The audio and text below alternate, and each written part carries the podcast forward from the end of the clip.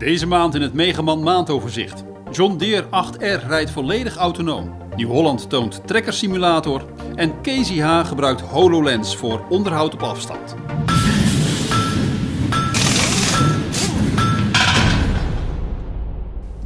Allereerst wens ik u namens de redactie van Landbouwmechanisatie, Veehouderijtechniek en Tuin- en het allerbeste voor 2018.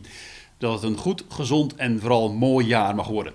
En nu de hoogtepunten van het mechanisatienieuws van de afgelopen maand. De Deense John Deere dealer Semler Agro heeft in samenwerking met het Nederlandse Precision Makers een John Deere 8320R omgebouwd tot een autonome trekker. Een scanner in de fronthef detecteert obstakels ver voor het voertuig.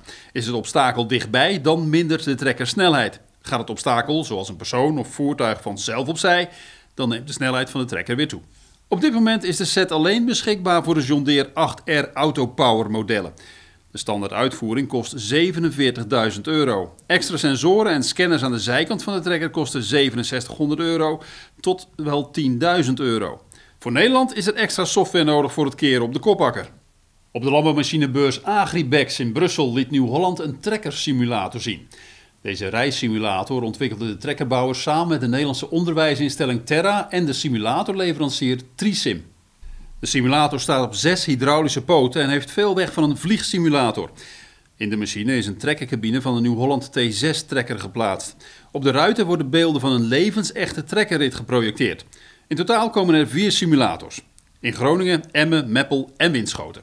In april moeten ze klaar zijn. Ze worden uiteindelijk gebruikt voor de trekkerrijlessen en voor onderwijs over precisielandbouw en trekkers natuurlijk. Het Nederlandse Hanskamp heeft een voersysteem voor krachtvoer bedacht, waarbij je de nek, hals en pootbanden van het oude koerkenningssysteem kunt blijven gebruiken. De zogenoemde Spider bestaat uit een antenne die op het krachtvoersysteem schroeft. Dat kan een krachtvoerbox in de stal zijn, maar ook een voerbak in de melkstal. Deze antenne herkent alle bestaande transponders in een frequentie van 120 tot 134,2 kHz. Ook oude transponders dus van niet meer ondersteunde voersystemen, zoals bijvoorbeeld de NEDA Popular.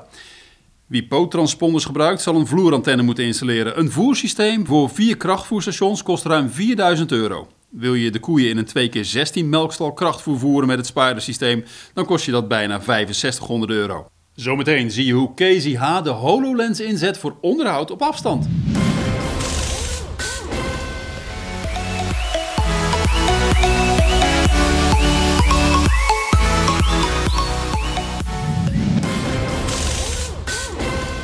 Machinefabrikant Lely gaat onder eigen merknaam de Triolite TU180XL kouvoersnijder verkopen. De machine is een aanvulling op het automatische voersysteem Vector en wordt via de bestaande Lely Center dealernetwerken verkocht.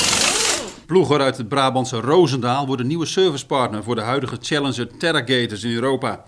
Zowel de onderdelenvoorziening als de service zal Ploeger voor zijn rekening nemen. Echo heeft de activiteit al overgedragen aan het Nederlandse bedrijf.